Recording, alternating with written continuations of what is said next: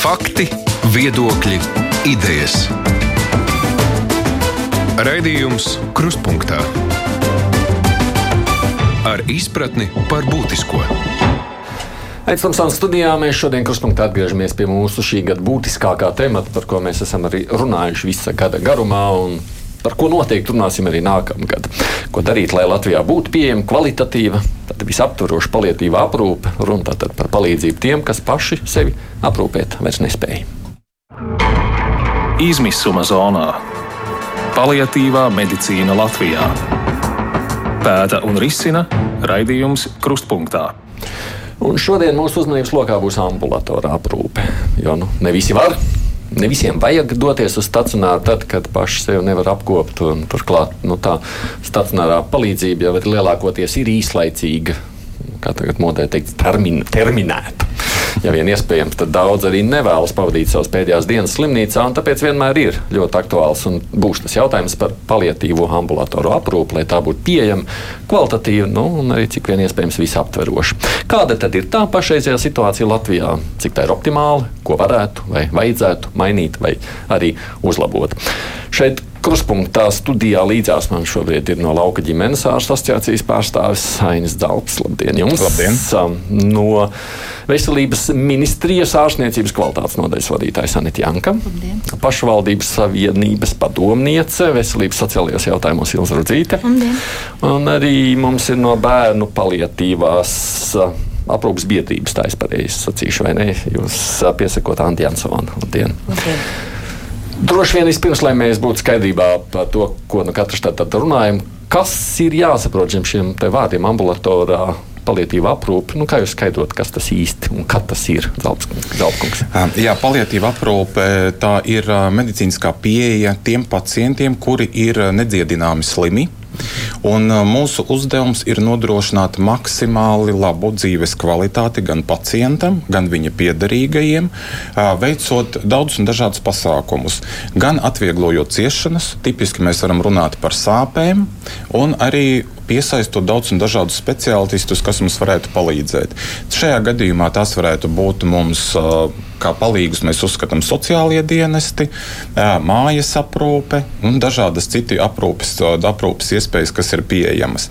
Tātad, ja mēs runājam ģimenes medicīnas kontekstā, tad paliatīva aprūpe ir viens no ģimenes medicīnas uzdevumiem globāli visā pasaulē, jo veidojas situācija, ka pacienti savas pēd, pēdējos, pēdējās dzīves dzīves gaitas labprātāk pavada mājās.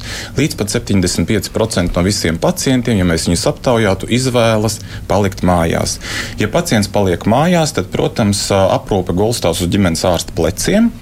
Un tādēļ ģimenes ārstam jābūt pietiekami zinošam, un spējīgam vadīt šo paliatīvo aprūpi. Mūsu ģimenes ārsti ir tāds pietiekoši zinoši un spējīgi. Nu, ņem, redziet, ģimenes medicīna ir ļoti plaša nozare. Mums ir jāspēj nodrošināt visas pilnas pakalpojumu klāsts, sākot kā cilvēks ienāk pasaulē, līdz pat paliatīvai aprūpei. Es gribētu teikt, ka visā visumā primārās veselības aprūpes līmenī es domāju, ka jā, ja mēs varbūt salīdzinām ar, ar citām valstīm, bet, protams, arī mums ir iespēja kaut ko uzlabot un attīstīt un pilnveidot arī šajā jomā bez šaubām. Tātad pamatā tas ir ģimenes ārsts ārsts?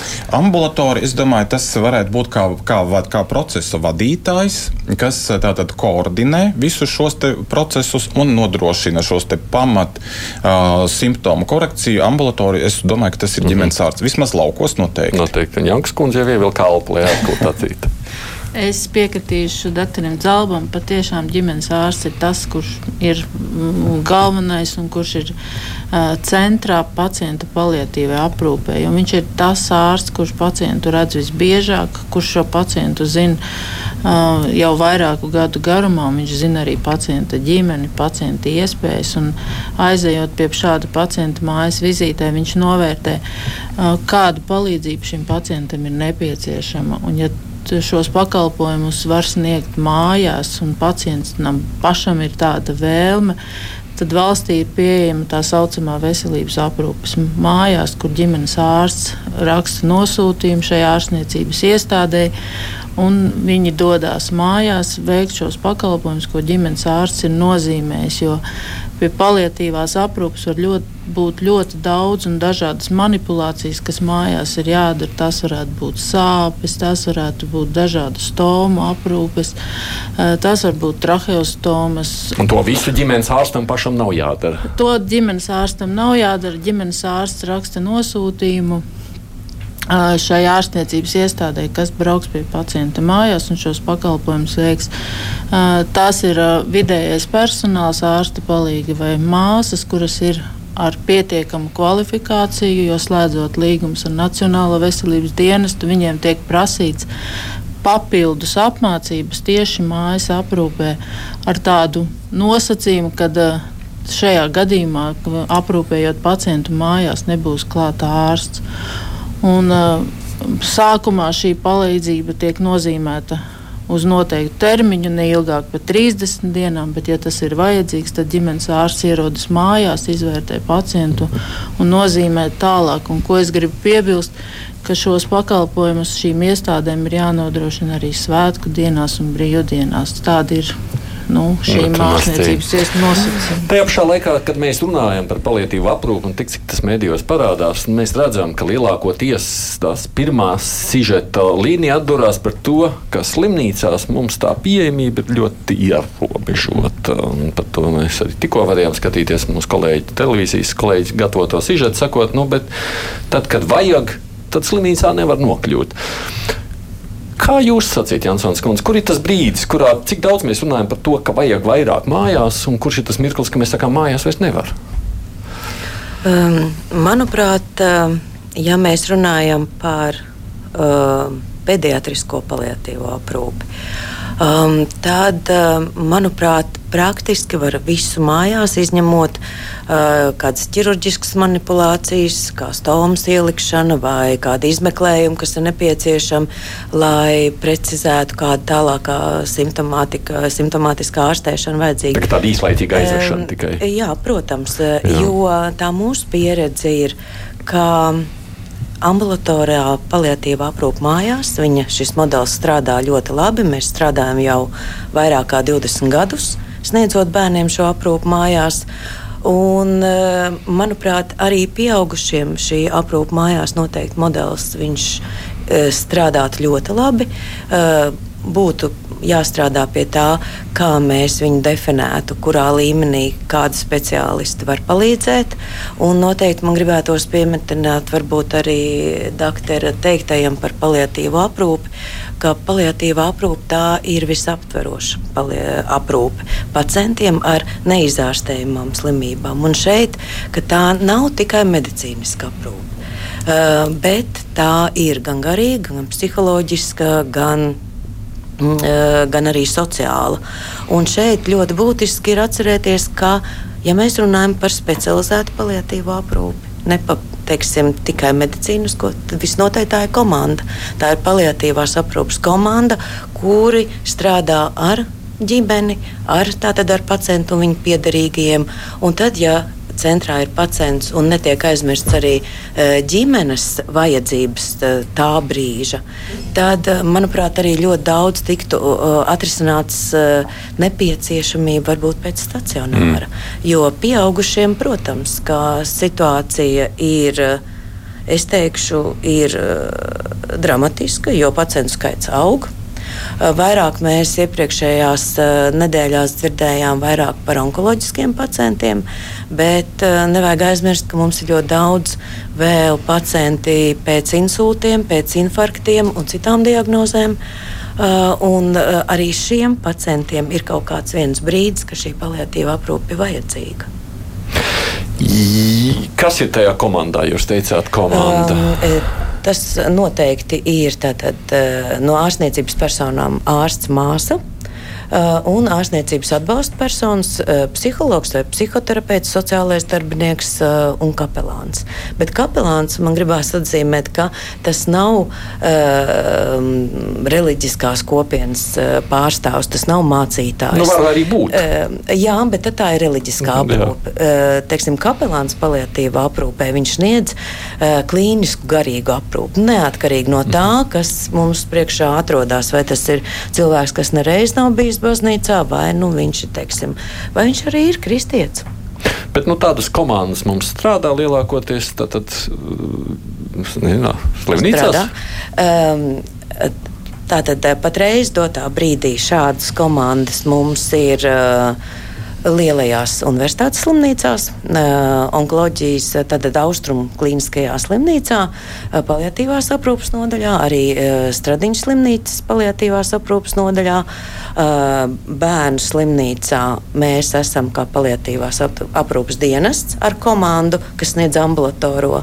Un ir Liepājā. Liepājā arī ir paliatīvās aprūpas kabinetes, kurā arī strādā komanda. Mums tāda komanda vajag ar ambulatoru. Uh, Protams, jo mēs sniedzam ambulatoru šo mm -hmm. pakalpojumu. Un e, viens pats ārsts, visu cieņu ģimenes ārstiem, kuriem ir tik liela noslodze, bet um, tas ir nežēlīgi teiksim, šo uzkraut viņam bez medicīniskām problēmām, vēl būt kā sociālam darbiniekam, kā psihologam un funkcijām. Uh, ārstam, ģimenes ārstam vienkārši laika tam nepietiek. Un nevienmēr varbūt ir arī šīs specifiskās zināšanas. Vai mums kaut kas tāds patiešām realitātē efektīvi darbojas? Tas, ko, tas, ko man izk... es teikšu tā, tas, ko saka Jansons Kundze, izklausās labi. Bet tā realitāte ir kāda. Es pieļauju, ka uh, lielākās pilsētās tiešām tāda iespēja pastāv. Bet es uh, arī esmu, no, man, man arī pārsteidz uh, šī informācija, cik tas ir skaisti un pieejami. Es pieļauju, Jā, Liepāja, kas tika pieminēta, uh, Rīga. Es domāju, ka varbūt, jā, varbūt mums vienkārši nav informācija, bet laukos realitāte ir tā, ka tas ir visus šos cilvēkus aizstāja ģimenes ārsts sadarbībā ar sociālo dienestu. Ja? Tā ir jūsu komanda. Tā ir mūsu komanda. Protams, ka mums ir arī mājas aprūpe. Mājas aprūpe nesniedz manā gadījumā mūsu praksi. Mums ir sadarbības partneri, kurus mēs aicinām, mēs iedodam šos nosūtījumus, bet visas šis psiholoģiskais atbalsts ģimenei par iespējām, par kur vērsties, ko saņemt pacienti, invaliditātes, visu procesu koordinēšana, ja? hospitalizācijas, tālāk vēl dažādas citas. Tas visu, to visu laukos dara ģimenes ārsts. Mēs arī, protams, gribētu šādu atbalsta komandu, jo mūsu pacienti nu, ir tieši tādi paši līdzvērtīgi kā arī Rīgā, ja, kura būs šie pakalpojumi pieejami. Bet nu, mēs tādus labumus neesam piedzīvojuši, bet tie ir nepieciešami. Jā, jā tagad viss var izteikties. Um, runājot par labumiem, tad šo Rīgas labumu bērniem mēs mēs sniedzam visā valsts teritorijā. Jā, jā. kas mums ir Latvijā. Uh, bet redzat, šeit arī būtu tad, uh, noteikti kopīgs darbs pie tā, kādu mēs to modeli nākotnē mhm. veidojam. Un, ja mēs uh, dalām šo palietīvu aprūpu līmeņos, protams, tad primāri tie esat jūs. Uh, un tālāk ir šīs sekundārā līmenī ir specializētas reģionālās slimnīcas, un tad terciārā līmenī jau mēs runājam par specializētām paliatīvās aprūpas nodaļām. Es gribu tagad skatīties gan uz veselības ministriju, gan uz pašvaldību pārstāvi, savienības pārstāvi. Cik daudz šajā darbā ir iesaistīta valsts? Un cik daudz pašvaldības, lai palīdzētu, jeb atbalstītu nu, savā teritorijā dzīvojošos cilvēkus? Kas attiecas par valsti, tad mēs vairāk, nu, kā veselības ministrijas, skatāmies tīri medicīniskajā virzienā.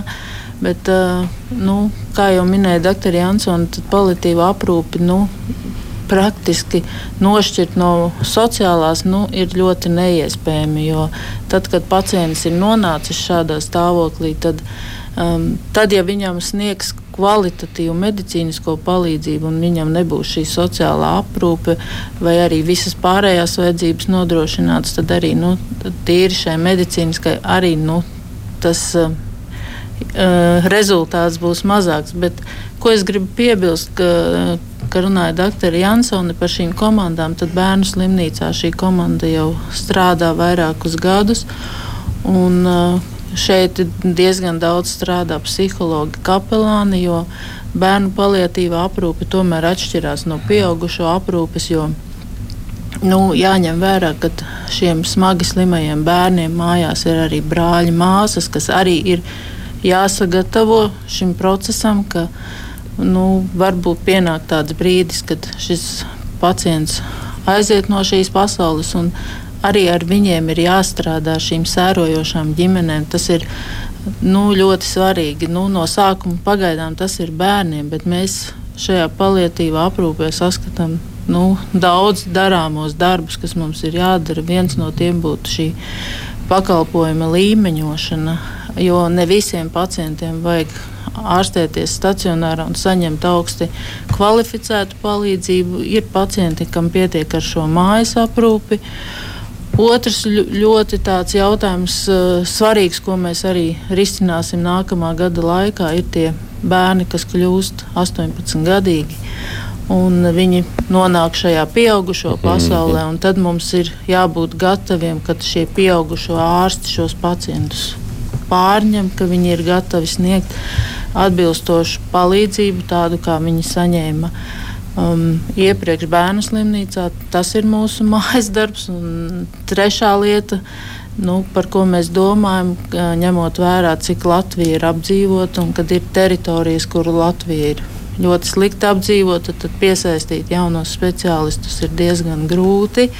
Arī šo speciālistu ir diezgan maz. Tad veidot šādas mobilās komandas, kas izbrauc uz reģioniem, nokonsultē pacientus un vienkārši uh, vai veido koncīlijas, kāds tas varētu norisināties tālāk. Nu, es jums šodien nu, neatbildēšu, nu, bet uh, šie būtu tie galvenie virzieni, pie kuriem mums būtu jāstrādā. Un kā tad ir tā pašvaldība loma savukārt šajā? Šeit jau klātesoši iezīmēja gan mazo vai ļoti zemo ap, apdzīvotību, un ar šīm šo problemātiku vai šo realitāti saskaras gan veselības aprūpe, gan sociālā aprūpe. Tas, ko pirms raidījuma es arī runājot ar kolēģiem, noskaidroju, ka ir ja mēs runājam par tādu veselības un sociālās aprūpes jomu sadarbību, uh, ir jautājums par šo veselības aprūpi mājās, cik viņai ir uh, pārklāja visu Latvijas teritoriju, cik viņa ir pieejama visiem, arī attālākajos uh, novados un reģionos dzīvojošiem cilvēkiem, pat ja formāli tā tur ir, vai tas pakalpojums sniedzējs par tiem tarifiem ir gatavs tur braukt veikt stomas aprūpi vai, vai citas manipulācijas, kas, ir, kas šobrīd izkristalizējas kā problēma. Runājot par palīdzību. Patiešām ir tādas vietas, kur izkrīt no šī tīkla. Uh, Nu, tā jā. man kolēģi ziņoja. Saka, jā. Jā. Mm. jā, jo es nepretendēju uz, uz visas Latvijas situācijas pārzināšanu un uh, absolūtā eksperta lomu. Tieši tādēļ es runāju ar vairākiem jā. kolēģiem, gan no, arī ar ģimenes ārstiem. Uh, dažādos Latvijas reģionos, lai saprastu, kāda tā situācija ir. Uh, Ja mēs runājam tikai par sociālo aprūpi, tad es gribu iezīmēt, ka sociāla aprūpe mājās vai aprūpe mājās tas nav īpaši apmācīts cilvēks, tas nav cilvēks ar medicīniskām zināšanām. Viņa uzdevums ir iespējams lauku teritorijā ienest malku, ienest ūdeni, sakopot telpu, uh, varbūt nomainīt pamperi. Nu, tāda ir šo, šo cilvēku kapacitāte un arī viņu izglītība. Tas, ka viņam ir jābūt spējīgam saprast, kurā brīdī šim klientam ir vajadzīga palīdzība un, teiksim, jāaicina tālāk mediķi, tas, protams, bet bez šo tad, tad, paralēli tad ir jābūt gan vienai, kā jau iezīmēja klātesošie, gan šeit veselības aprūpei pietiekamai, gan arī uh, sociālai aprūpei atbilstošai. Kā mēs to spējam nodrošināt? Protams, uh, Nav noslēpums, ka šobrīd uh, aprūpi mājās uh, nu, turpat pusē Latvijas nodrošina mobilās brigādes. Ko tas nozīmē? Tas nozīmē, ka tas aprūpētājs nav katru dienu tajā mājā. Viņš nav katru dienu pie tā cilvēka. Viņš katru dienu, ja tas piemēram ir vientuļš cilvēks vai dzīvo viens, viņš tā tad nevar redzēt to situāciju, kāda, kāda tur valda. Un tad nereti ir tās, tas jautājums, kur tad tālāk. Vai tas ir piemēram sociālās aprūpes gultas, kas ir atsevišķās slimnīcās, vai tas ir pansionāts vienkārši runājot, vai tās ir pirmā līmeņa šīs hronisko slimnieku gultas, kur arī lāpās šādā veidā. Tā, tie, to risinājumu Jā. jau nav daudz. Jo šeit droši vien jānošķir tā, ir viena daļa cilvēku, nu, kuriem nav, kas par viņu var tajā brīdī parūpēties. Mm. Nu, tie cilvēki, kuriem ir jāmeklē, nu, viņi nevar vien taču palikt jā, un gaidīt, ka viņiem tur atbrauks kādā brīdī kāds, kuram vajadzēs. Bet ne, ne tikai, ne tikai vientuļie, bet ir arī no, Mēs visi strādājam. Nu, ja, tātad, ja šis cilvēks ir 24, 7 aprūpējams, ko nozīmē ģimenes locekļiem, tad atteikties no darba, atteikties no ienākumiem. Ja? Tā, šeit ir gan šie vientuļie cilvēki, gan tā dzīves realitāte, kādā mēs dzīvojam. Ja? Cik mums daudz, no jūsuprāt, būtu tā situācija nepieciešama mazāk pēc šādām stacionārajām gultām vai nu, vietas, kur cilvēks tiek pārvietots ārpus mājām, ja mums tā ambulatora aprūpe būtu pietiekoši kvalitatīva? Varbūt varētu samazināt. Nu, mēs dzirdējām vakar, jā, televīzijas sižetā sakot, nu, ka tur tās rindas ir tādas, ka tāpat tās jau tur nevar sagaidīt. Vai mēs tās rindas varētu šādā veidā samazināt? Es domāju, ka daļai, protams, ka mēs varētu. Ja, bet es domāju, ka mums šobrīd situācija ir tāda, ka to paliatīvās aprūpes gultu skaits ir tik mazs, nu, kad ja kurā arī gadījumā, kurā gadījumā ir pamazs. Mm -hmm. Arī tad, ja mēs kādu izveidot kādu izcilu modeli, tāpat mums to vietu būtu pamazs. Jo redz, ir jāsaprot arī tāda situācija, ka pacienti vēlās palikt mājās un radinieki daudzos gadījumos um, uzņemās šīs rūpes, mm bet progresējot slimībai. Kā rāda mana pieredze, tomēr pienāk tāds brīdis, kad radinieki nespēja tikt galā. Arī mājas aprūpe arī nespēja atrisināt problēmas, un sociālais darbinieks arī nē. Un tad mums pienāk, teiksim, iedomājamies situāciju, kas man bija pēdējā tāda ļoti, ļoti smaga situācija, pacients ar plaušu saudzēju. Ir, mēs varam Mēs varam korrigēt sāpes, mēs varam zināmā mērā korrigēt elpas trūkumu, bet tas elpas trūkums vienā brīdī ir tik izteikts, ka mājās mēs nespējam tālāk neko. Un tad mums sākās problēmas, ko mēs ar šo pacientu darām. Vai nu mēs aizņemam reģionālā slimnīcā gultnē atliekamā, un tad mēs saņemam šīs sūdzības, vai arī mēs meklējam kādu stacionāru, kas darbojās palietīvās aprūpas virzienā. Nu, manā gadījumā pacients saņēma šos palietīvās aprūpas pakalpojumus septiņas dienas, kas pilnīgi neatrisināja problēmu. Un tālāk, protams, ņemot vērā, ka, ka pacienta stāvoklis bija smags, viņš nonāca reģionālā slimnīcā, kur pavadīja ārkārtīgi ilgu laiku. Nu, tad mums ir jāsaprot, ka ģimenes ārsts vai kopā ar, ar komandu, ar sadarbības sadarbības partneriem mēs varam daudz, bet, bet tomēr mm -hmm. mums ir vajadzīga arī zināmā mērā būs vajadzīga arī šī palīdzība. Pat stacionārā tiešām šodien neturpinām -hmm. vairāk, jo tas ir atsevišķs temats. Kas ir tas tādā gadījumā, nu, tādā kopējā ainā lūkojoties, ko vajadzētu vai ko varētu uzlabot, lai nu, maksimāli, nu, cik nu, iespējams šo ambulatoro uh, pakalpojumu varētu izmantot cilvēki. Es domāju, ka mūsu ģimenes ārstu skatījumā ir, man ļoti patīk tas, ko teica sociālo darbinieku pārstāvis, ja, ka mums ir vajadzīga šī ko, kooperācija un koordinācija. Mēs it kā esam zem dažādām ministrijām, katrs veic savus pienākumus, bet mēs varbūt īsti nepārzinām tās iespējas, ko var piedāvāt ģimenes ārsti un ko var piedāvāt vietējais sociālais dienests. Pašvaldība, labklājības ministrija, veselības ministrija. Ļoti daudz iesaistīt personu personu, bet mums kaut kā vajadzētu uzlabot to savstarpēju komunikāciju. Man ir viens ļoti labs piemērs. Manā pārziņā ir arī Ozolnieku novada Salgalis pagasts. Salīdzinoši attāls no tiem pašiem ozolniekiem diezgan tālu, tuvāk Iecavai, Bauskai pat varbūt. Ja? Bet uh, tur uz vietas ir sociālais gan darbinieks, gan aprūpētājs. Un iedomājieties, kāds tas ir labums visiem iedzīvotājiem. Tā nav mobilā brigāde, kas atbrauc. Sociālais darbinieks ir tieši tāda pati persona, kas pārzina savus iedzīvotājus, savus klientus, un viņi spēj novērtēt novērtēt viņu sociālās vajadzības. Viņi spēja palīdzēt sagādāt medikamentus, tikt galā ar dažādām sadzīviskām pro problēmām. Ja? Un plus vēl, plus vēl ģimenes ārsta komanda. Ja? Un tad šajās gadījumos mēs ļoti daudz ko varam izdarīt. Ja mums nav vēl atbalsts no sociālajiem dienestiem, ir ļoti vienkārši uzrakstīt medikamentu, pateikt, kā tas ir lietojams. Ja? Bet, ja cilvēks ir viens vai radinieku atbalsts ir nepietiekams, tā aprūpe no, nenotiek. Bet tas ir atkarīgs no pašvaldības. Ja? Da, varbūt arī no pašvaldības, kā viņi organizē to darbu. Mhm. Jā. Arī tas, ja, ja tad, mēs tad, laukos saskatām, ka sociālais darbinieks un sociālais aprūpētājs, kas ir uz vietas un pakalpojums ir pieejams katru dienu pēc vajadzības, ne tikai izbraukuma kādas vizītes, tad tā, tā aprūpes kvalitāte gan medicīniskā, gan sociālā ir, ir krietni labāka. Mm, nu, no vienas puses tā būtu tā iedzīvotāju Nu, es nezinu, nepieciešamības sist pie savas pašvaldības vadītāja durvīm un sacīt, klau, mums vajag. Ja, un otrs nu, varbūt valsts var mēģināt to centralizētāk, kaut kā palīdzēt. Tas nav tik vienkārši ne? tieši tādēļ, ka sociālā joma, tieši tāpat kā veselības joma, sastopas ar akūtu speciālistu trūkumu. Un arī šos aprūpētājus, diemžēl, ir nereti ļoti, ļoti grūti atrast tieši tādēļ ir šīs mobilās brigādes pakalpojumus, it sevišķi, kur ir šī te, uh, zemais iedzīvotāju blīvums. Rīga, pilsētas, Tur tiešām vairāk strādā šie individuālie aprūpētāji, tur menedžējot uh, laikus un vizītes un tā tālāk. Bet uh, lauku situācijā mēs diemžēl aizvien vairāk saskaramies ar to, ka šis ir tas risinājums. Ja, jo tad arī uh, atbraucot šai mobilajai brigādei, tad komanda izdara vienlaicīgi ļoti daudz ko. Ja, tā kā mm, grūti man teikt, kādi ir iespējami tālāk risinājumi. Noteikti ir ko mācīties arī no citām valstīm, bet eh, šajā brīdī es redzu, ka būs gan, gan šādi risinājumi, jo tā dzīve uzspiež savu. Jā, uh, viens no tādiem risinājumiem, nu, varbūt ne īsti risinājums, bet veselības ministrija patreiz gatavo tādu informāciju pacientiem, ko viņiem darīt, kur viņiem vērsties, ja, ja šāds pacients nonāk viņu ģimenē.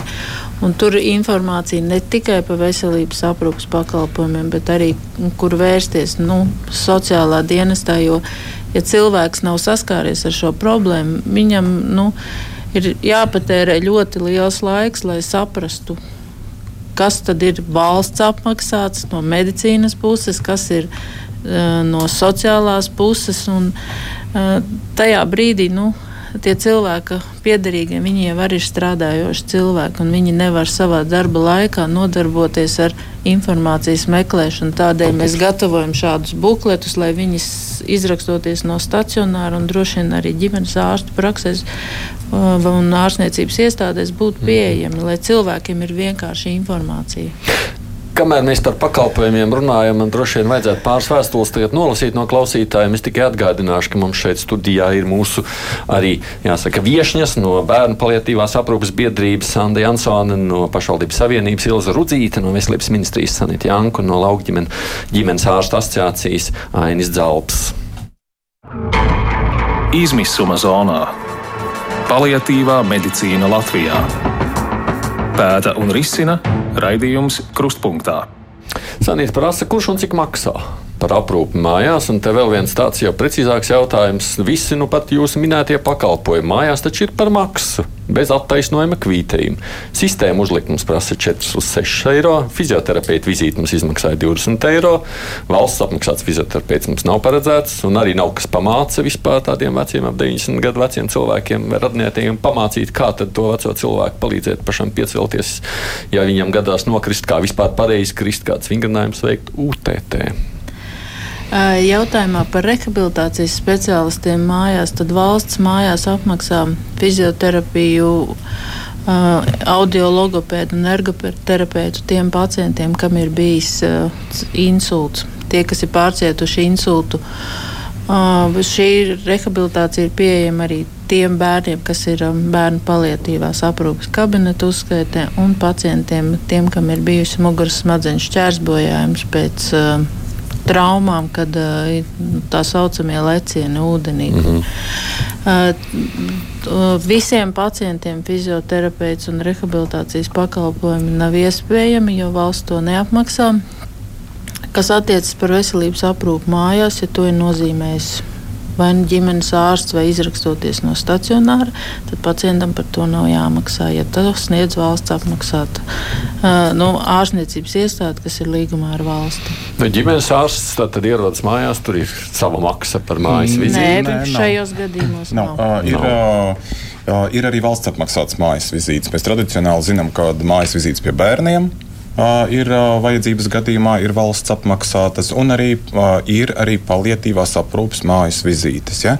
Un es teiktu, ka šīs te palietīvās aprūpes vizītes ir tās biežākās, ko mēs arī veicam, vismaz lauku reģionos. Ja?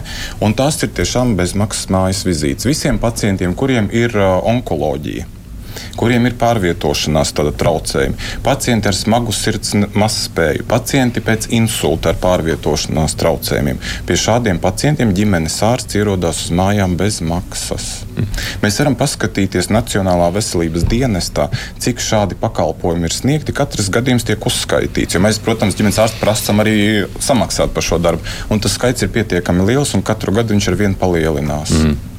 Šeit varbūt es gribētu piebilst, ka veselības aprūpe mājās pienāks tiem pacientiem, kuriem ir nepieciešama veikt kaut kādu ārstnieciskas manipulācijas vai ārstnieciskas procedūras, un viņi dēļ sava veselības stāvokļa nevar apmeklēt ārstniecības iestādi. Tas nav absolūti visiem pacientiem. Tur ir nu, jābūt šiem diviem priekšnosacījumiem. Tātad viņam ir vajadzīga medicīniska aprūpe, un viņš nevar pats savu veselības stāvokļa dēļ apmeklēt ārstniecības iestādi.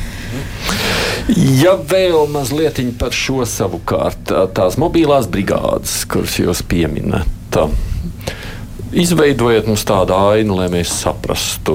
Es uh, droši vien vērts ir klausītājiem arī pateikt, man pašam ir sava mamma, nācies apglabāt pirms mazliet vairāk nekā mēneša. Šis bija arī iemesls, kāpēc es kādu laiku darbā nebiju. Un esmu piedzīvojis šo ambulatoru aprūpi, un arī man otra, nu, sievas mamma ir šobrīd kopjama un neārstējama. Bet tā, līdz ar to es no savas personiskās pieredzes zinu, mūsu gadījumā tāda brigāde pie, nu, tā teica, ka ir iespējama, bet mēs līdz tai nenokļuvām. Kas tad ir tas, ko šīs brigādes dara, kurā brīdī viņas parādās, lai mūsu klausītājiem ir saprašana? Uh, ja jūsu jautājumā, ja es pareizi saprotu par veselības aprūpi mājās, tad mājās izbrauc vidējais ārstniecības personāls. Tas ir medicīnas māsa vai ārstu palīgi. Un viņi izpilda tās um, ārstnieciskās manipulācijas, kuras viņam ir nozīmējis ārstējošais ārsts. Vai tas ir ģimenes ārsts, vai tas ir ārsts, kurš pacientu ir ārstējis stacionārā.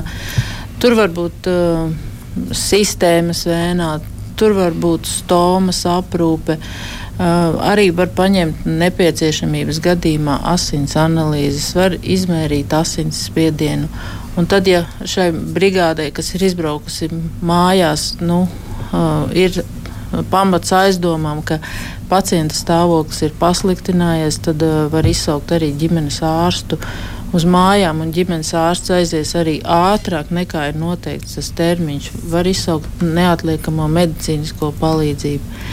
Uh, par nākotnes vīziju runājot, tad ir domāts uh, vairāk um, konsultācija tiem, kas šo pakalpojumu sniegt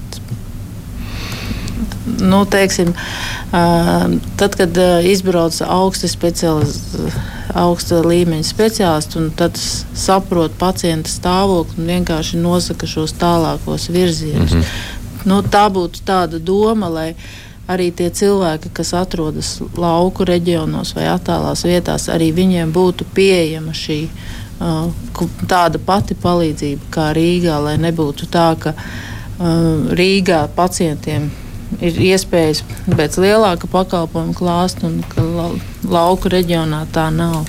Nu, tagad, savukārt, runājot par šo, es vēl joprojām skatos gan uz pašvaldību, gan ģimenes ārstu.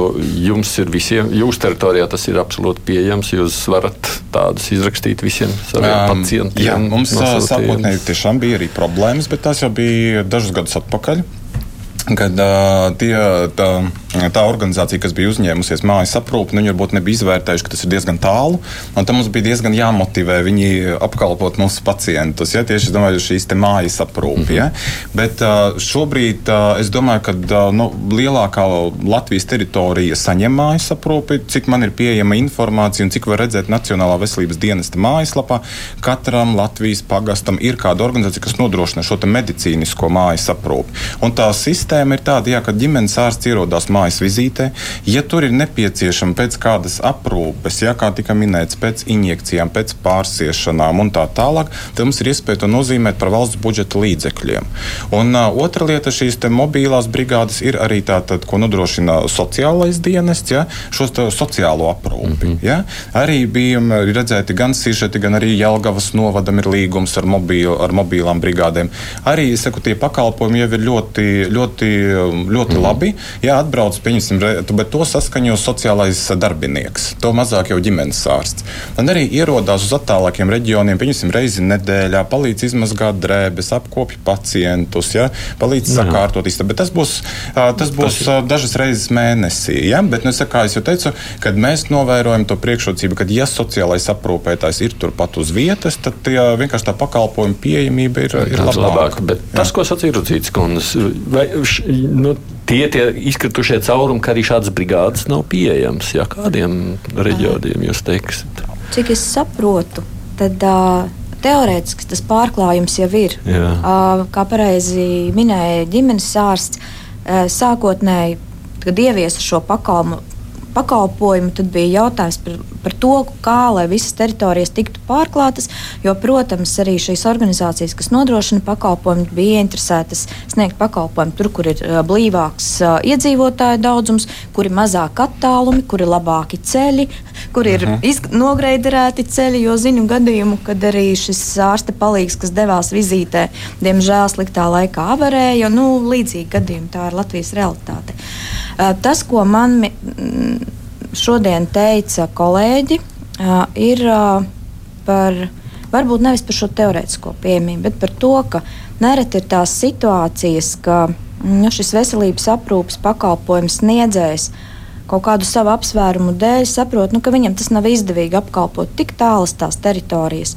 Un, tā sadarbība ar ģimenes ārstu neveidojas tik veiksmīgi. Tad ir tās situācijas, kad ir uh, ģimenes ārstam vieglāk ir nesūtīt un nepieteikt šo pakalpojumu, nekā veidot uh, kaut kādas. Uh, Mm. Sliktas attiecības ar šo pakalpojumu sniedzēju. Tas es tā ļoti. Jā, es saprotu, nē, doma ļoti svarīga. Man liekas, bet, ka kaut kā. To man patiesībā jā, iezīmēja kolēģi, kas faktiski diezgan labi pārzina Mhm. Latvijas nu, situācija. Es varu piekrist, ka tādas situācijas ir bijušas, jā, ir, ir sarunas bijušas pietiekami nopietnas, ir iesaistīti arī Nacionālajie veselības dienesti, jā, jo mēs tomēr nu, saprotot to nepieciešamību, mm. kad šis pakalpojums ir jāsaņem, nu, mēs mēģinam gan pa labām, gan dažādi. Mm. Bet nu, šobrīd vismaz mūsu pusē jau šī lietas ir, ir nokārtotas, un tāda atteikumi nav vairāk. Mm. Kā, kā kādreiz tiešām ir, ir bijuši. Nu, šiem varbūt ir jāpievērš uzmanība tādā. Tur vienkārši nevar būt labs visu laiku. Jā, ja tas pakalpojums ir, tad viņam ir jāuzstāj. Jā.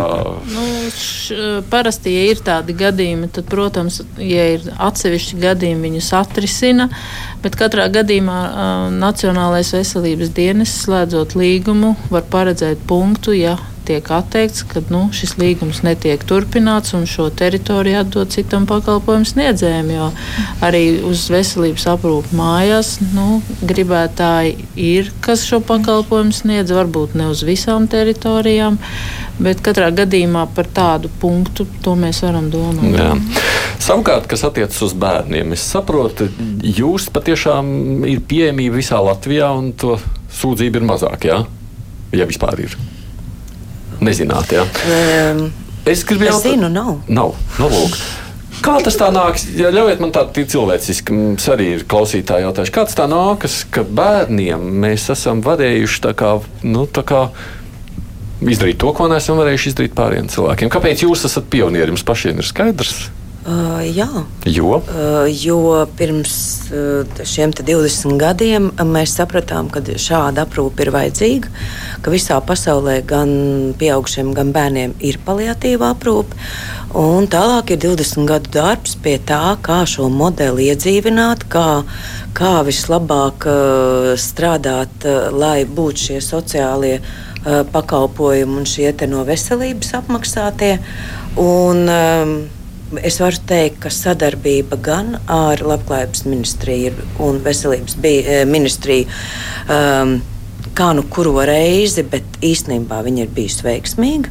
Un pateicoties arī Labklājības ministrijai, jau otro gadu ir šis um, no sociālās puses, šis pakalpojums arī tiek sekts no valsts līdzekļiem. Tā iniciatīva ir faktiski nākusi no bērnu slimnīcas.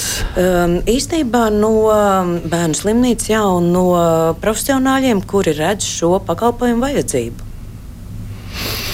Jūs varat atbildēt arī tie pārējie. Nu, kāds tai sanāca? Ka, nu, tomēr vis, tas ļoti labi, protams. Es reiz saku, kā bērnu vecāks, es saku, nu, tas ir ārkārtīgi labi, ka mums bērnu jomā šis jautājums ir spējis sakārtoties. Palietīva aprūpē šo bērnu ir mazāk. mazāk. Un doktori Jansoni visus šos bērnus zina. Un, uh, Viņiem ir pieejamas arī šīs te telefona konsultācijas, ko bērnu slimnīcas palietīvās aprūpes nodaļas sniedz gan uh, bērnu vecākiem, gan ģimenes ārstam. Kas attiecas par pieaugušiem, tad uh, šī tendence šim pacientu skaitam ir pieaugt, jo jāņem jau vērā arī to, ka uh, pieaugušiem pacientiem ir vairākas slimības, ar ko pacienti cieš. Un, un līdz ar to, um, nu, ja kāda slimība progresē, tad ķēdītē tas pa, arī tās pārējās slimības ietekmē. Un, Ļoti jau reti ir, kad eh, pieaugušam pacientam ir tikai viena saslimšana. Viņam parasti viņas ir vairākas, un, un tas arī teiksim, mm -hmm. apgrūtina visu šo situāciju. Un tāpēc nu, šī ģimenes ārsta iesaistīšanās, un, eh, kas patiesībā sakot, notiek es teiktu, labi, jo ģimenes ārsti zina savus pacientus. Un, uh, to, ko var ar ģimenes ārstu izrunāt pacients vai pacientu piederīgie, tas noteikti ir daudz vairāk nekā pacients to varētu izstāstīt speciālistam, kuram ir ierobežots šis te, uh, pieņemšanas laiks, un ģimenes ārstam jau ir arī sava komanda. Ārsta palīga māsas, kas arī šos pacientus zina. Mm. Gribat kaut kāds piebilst? Jā, Jā, manuprāt, arī nedaudz iepriekš, pirms kāda laika mūsu sarunā ieskanēja, bija dzirdama frāze jā, par šīm mobilām komandām pieaugušo paliatīvā aprūpē. Uh, bet um, pirmkārt, ja mums ir sistēmiski jāpadomā par šo pakalpojumu uh, sakārtošanu, uh, tīri uz uh, dokumentāli normatīvajos aktos, mums ir jābūt pilnīgi skaidrs, ko katrs no speciālistiem dara, kādi ir pienākumi, kas par ko maksā. Un eh, šeit eh, arī mums noteikti ir jāsaprot, eh, ka nevar pašvaldības ar sociāliem darbiniekiem un aprūpētājiem, savukārt atkal ārsti un māsas.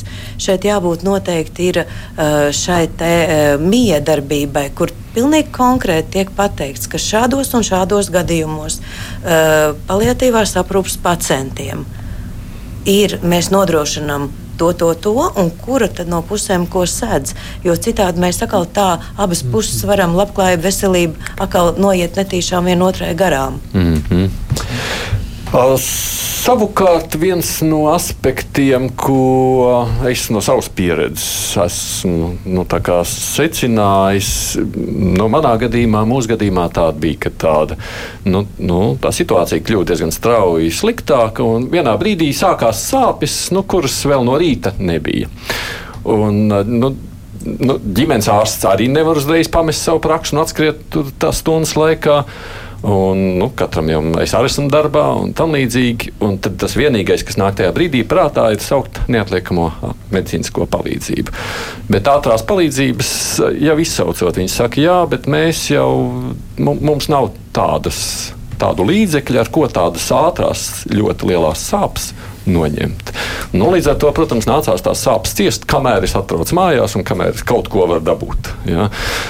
Vai šeit nav kaut kas, ko varētu izdarīt, lai nu, tā ātrāk varētu to lietu nu, risināt un rēģēt? Jā.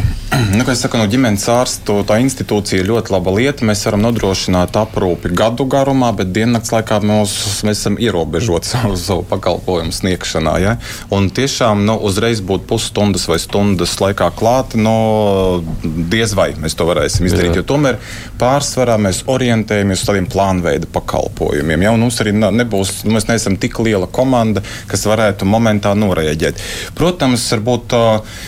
um, lauku teritorijās, un ja tur ir divas māsas tev praksē, ka, un, un tas brīdis ir, tad mēs varam aizsūtīt piemēram ārsta palīgu, ja tas ir sasniedzamā attālumā, nu, iziet no šīs situācijas un, un sniegt šo palīdzību. Citādi, nu, ja tā situācija nav o, ārkārtēji smaga, es tomēr sazinātos, o, no, ierosinātu sazināties ar ģimenes ārsta praksi. Es domāju, ka mēs vismaz telefoniski līdz mājas vizītei spētu jau kaut ko ieteikt. Otrs variants ir konsultatīvais tālrunis. Ja? Nu, neatliekamā medicīniskā palīdzība tas ir tas risinājums, ko droši vien pacienti iedzīvotāji izmanto visbiežāk, bet tā neatliekamā medicīniskā palīdzība nu, nav paredzēta šiem mērķiem. Nu jā, jā, nu, tas sākās tās sāpes un konvulsijas, jā. un tajā brīdī nu, gribas kaut kā strauji rēģēt. Uh, jo uh, mobīlo komandu pieredze un teiksim, ieguvumi visnotaļ pirmām kārtām ir ģimenēm, jo netiek šies, šis pacients stacionēts. Un, mūsu gadu garumā mūsu pētījumu, ka vairāk kā 50-60% vispār šo pacientu netiek stacionēti. Un, ko es ar to gribu teikt? Es gribu teikt, ja mums ir uh, mobilās brigādes, mēs viņus varētu, viņas varbūt nemaz nevajadzētu ļoti daudz Latvijā pieaugušajiem, bet būtu šis diennakts pakalpojums līdzīgi kā mums, uh, kur uh, pacienta tuvinieki vai pacients var zvanīt, un pretī ir uh, speciālisti, kuri ir Uh, kuriem ir zināšanas palietīvā aprūpē, un viņi sniedz šo, šīs konsultācijas. Mm. Tikko Tallinā es biju, kur ļoti līdzīgs modelis ir arī Tallinas slimnīcā. Kur viņiem ir paliatīvās aprūpes centrs uh, arī ar šo mobīlo komandu, kuri arī konsultē uh, principā visu Igauniju šos pacientus. Mm. Jo no, no otras puses ir jau tā, man redzu, man klausuli tūlīt jāapceļ, bet ir jau tā, es, labi, nu, neatliekamā palīdzība jau arī atbrauc, protams. Un, nu, kaut ko nu varēja to, nu, viņi tur mēģināja darīt, bet viņi uzreiz saka, nu, mums tās, nu, mums nav tādas iespējas. Nu, katrā gadījumā es gribu teikt, ka eh, tad, ja šādos gadījumos vēršas ģimenes ārsta praksē, tad ģimenes ārsts vai ārsta palīgs nu, iedot konsultāciju. Vismaz, nu, nu, tā ir konsultācija par maz. Mums vajag to sāpju. Jā, brīdī, bet milzīgo jā, tajā brīdī noņemt sāpes, un ģimenes ārsts noteikti atnāks pie šī pacienta mājās. Bet nu, ir jāsaprot arī tas, ka ģimenes ārsts. Nu, uzreiz nevar. Nu, viņi nevar atnākt. Jā, nu, tas ir skaidrs, ka viņi nevar atnākt. Man, man tajā brīdī pietrūka, ka ātrai palīdzībai nav tā medikamenta, kas varētu to lielo sāpes noņemt. Tāpēc arī kolēģi teica, ja, ka uh, tur tas ir pilnīgi cits dienests, kas būtu jāattīsta. Mm. Ja, jo mm. neatliekamā palīdzība tomēr ir citas funkcijas, ko viņi orientējās. Ja. Šī ir uh, palietīva aprūpe, ja, šī ir simptomu mazināšana palīdzība. Tad tur arī būtu jābūt mums tātad vai nu mēs nosaucam par mobīlo komandu vai par brigādi, kura spēj atbildēt un, un tā kā spēj ierasties ja, un palīdzēt tieši tajā brīdī. Jā. Varbūt tas ir naktis naktstundā. Ja? Nu, tad nu, es jā. arī grūti stādos priekšā, ka, ka ģimenes ārsts to spēs izdarīt. Ģimenes ārsta prakses darba laikā mēs varam to nodrošināt, ja tāda nepieciešama. Nu, vai žēl to ģimenes ārstes laiku? Uh, jā, bet manuprāt, tas uh, nu, nevajag uzņemties uh, teiksim, to, ko varētu izdarīt uh, cilvēki, kas būtu tieši strādāt ar šiem mm, pacientiem. Protams, Un ja šim pacientam kurš ir paliatīvā aprūpē pieaugušais. Ja viņam ir aprūpes plāns, un viņš, uh, viņš bijis noteikti kādā no stacionāriem, un ja, ja ir konsultējis paliatīvās aprūpes ārsts, tad viņš ir sarakstījis šo tālāko aprūpes plānu arī ar tā saucamajām glābēju devām un medikamentiem. Un šeit ir eh, jautājums par to, ka mēs varam zvanīt un uh, varam konsultēt un teikt, ja, jo īstenībā arī mūsu uh, pacienti mājās, mēs skaidri zinām, kas mūsu pacientiem ir mājās, un mēs varam koriģēt neatliekamās situācijās, kas viņiem ir nepieciešams. Nu, tā manā gadījumā arī nebija mājās to, kas vajadzīgs bija. Zvans mums ir kāds jālūdzu. Halo! Labdien! Labdien. Labdien. Es te gribu ar jums tā parunāt, ka ļoti skaisti jūs runājat, ļoti smuki viss tas sanāk. Bet redziet, ir tāda viena lieta. Jāatbrauc pie cilvēka, pie vecas, pie vecas tantiņas vai onkuļa, kāds e, sociālais darbinieks vai dakteris. Viņam, redziet, halātam ir tāda plata, plata kabata. Un kamēr viņa tur neiekritīs tajā kabatā kādas 10, 15 vai 20 eiro, nekas tur nenotiek. Nu, šīs ir tās pavisam bēdīgas, protams, secinājums no cilvēka, kuram nepalīdz, ja mm. viņš vispār neiedod ne, nu, naudu. Es, nu, ja, ja cilvēki tā apgalvo, nu, mums nav varbūt pamata tiešām neticēt, bet es gribēju teikt, nu, ka Latvijā ģimenes ārsti mēs. Um, Ja mēs paskatāmies uz ģimenes medicīnu Latvijā, mēs apkalpojam 70% no vispār ambulatorā darba, un mēs nodrošinām vismaz 7 miljonus konsultāciju gadā. Tas jau ir tik liels darba apjoms, ja, ko mēs darām tieši par šīm pacientu iemaksām, tik cik ir noteikusi valsts. Un, protams, varbūt cilvēkiem, kur brīžiem ir problēma, ir saprast, kas ir valsts apmaksāts pakalpojums un kas nav. Jā, reizēm izskatās skarbi un dramatiski, ja ģimenes ārstu izsauc uz mājām un pacients uh, ir pietiekami gados ar zināmām veselības problēmām, bet viņš neiekļaujas nevienā atbrīvotā kategorijā. Viņam ir jāmaksā šī ģimenes ārsta noteiktā mājas vizītes cena. Tāda situācija ir, bet par to jau parasti mēs nu, pabrīdījam. Ja? Tas arī nav tāds nu, nelegāls stāsts par kaut ko nelegālāku, kas, nu, es nezinu, ne, mēs varētu izteikt droši vien katru savu emocijas, pat nezinu, vai tā ir. Saprotiet, bet nu, arī, teiksim, no, īstenībā, ja, teiksim, ja, ja, ja ir cilvēkam kāda problēma, un, uh, un mēs izsaucam ģimenes ārstu mājās, un, un mēs viņam kaut ko gribētu piedāvāt, nu, kādus papildus pakalpojumus vai labumus mēs varētu vēl saņemt. Nu, ģimenes spēja ārsts strādājot uh, līgumā ar valsti, spēja nodrošināt tos pakalpojumus, kas ir. Bet nu, par šādiem ja? aprūpētājiem pabeidzot šo vajadzētu vienkārši ziņot. Nu, Tieši tur vajag ziņot, tur nevajag klusēt. Jā, tur nevajag tā. klusēt šādās reizēs. Mums ir jābeidz, tāpēc, ka laiks ir aizskrējis ļoti ātri. Es saprotu, tā tad informācija tā ir viena lieta, ko jūs strādājat, un tā ir ļoti svarīga. Tāpēc es te atsevišķi viņu nepieminu, bet no nu, tās mobilās brigādes es saprotu, tas ir tas mēģi grupa, kam man šķiet, nākotnē ir jāpievēršas vairāk uzmanība. Tāds man secinājums klausoties jūsos šeit. Es gribu teikt paldies, ka atnācāt runāt par šo ļoti svarīgo un vajadzīgo tematu. Es arī gribu teikt, ka šogad dot pieci akciju arī visi veltīti paliatīvai aprūpei, un mēs vēl šim tematam arī šī gada laikā vēl daudz pieskārsimies. Nu, ļoti mums šķiet aktuāls un vajadzīgs. Jautājums ir šis um, Bērnu Kliniskās universitātes slimnīcas pārstāvji. Viņi arī ir, bet viņi arī bērnu paliatīvās aprūpes, kā tur bija pareizi jāpiesaka, biedrības vadītāji vai ne? Andi Jansoni no pašvaldības savienības padomniece veselības un sociālajos jautājumos Ilza Rudzīta no veselības ministrijas ārstniecības kvalitātes nodaļas vadītājs Sanita Janka un arī no lauku ģimenes ārsta asociācijas pārstāvis Ainas Dalbas. Paldies jums, ka atnācāt šeit runājot par šo tematu. Es tikai tā pavisam īsi rīt, kā parasti piekdienā žurnālisti komentējas nedēļas aktualitātes. Mums ir par ko runāt, ar atkal politika, Rīgas doma, kur jau grasās atlaist saimu pašai saimē arī paraksts vāc un dažādi citi temati. Mēs vēl arī tiekamies raidījumā šodien pēc pulksten trījiem par pasaules aktualitātēm, runājot par NATO samitu, kā tā situācija aliansē, runāsim par saspringto situāciju Maltā, pēc žurnālistas slepkavības arī par Vācijā kādu izmeklēšanu, kur visi pavadienu ved uz Krievijas pēcdienestiem par to visu pēc pulksten trījiem radio studijā. Šodien bija Esaidis Tomsons, producents mums ir Evija Unāma.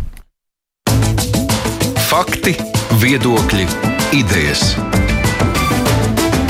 Raidījums Krustpunktā ar izpratni par būtisko.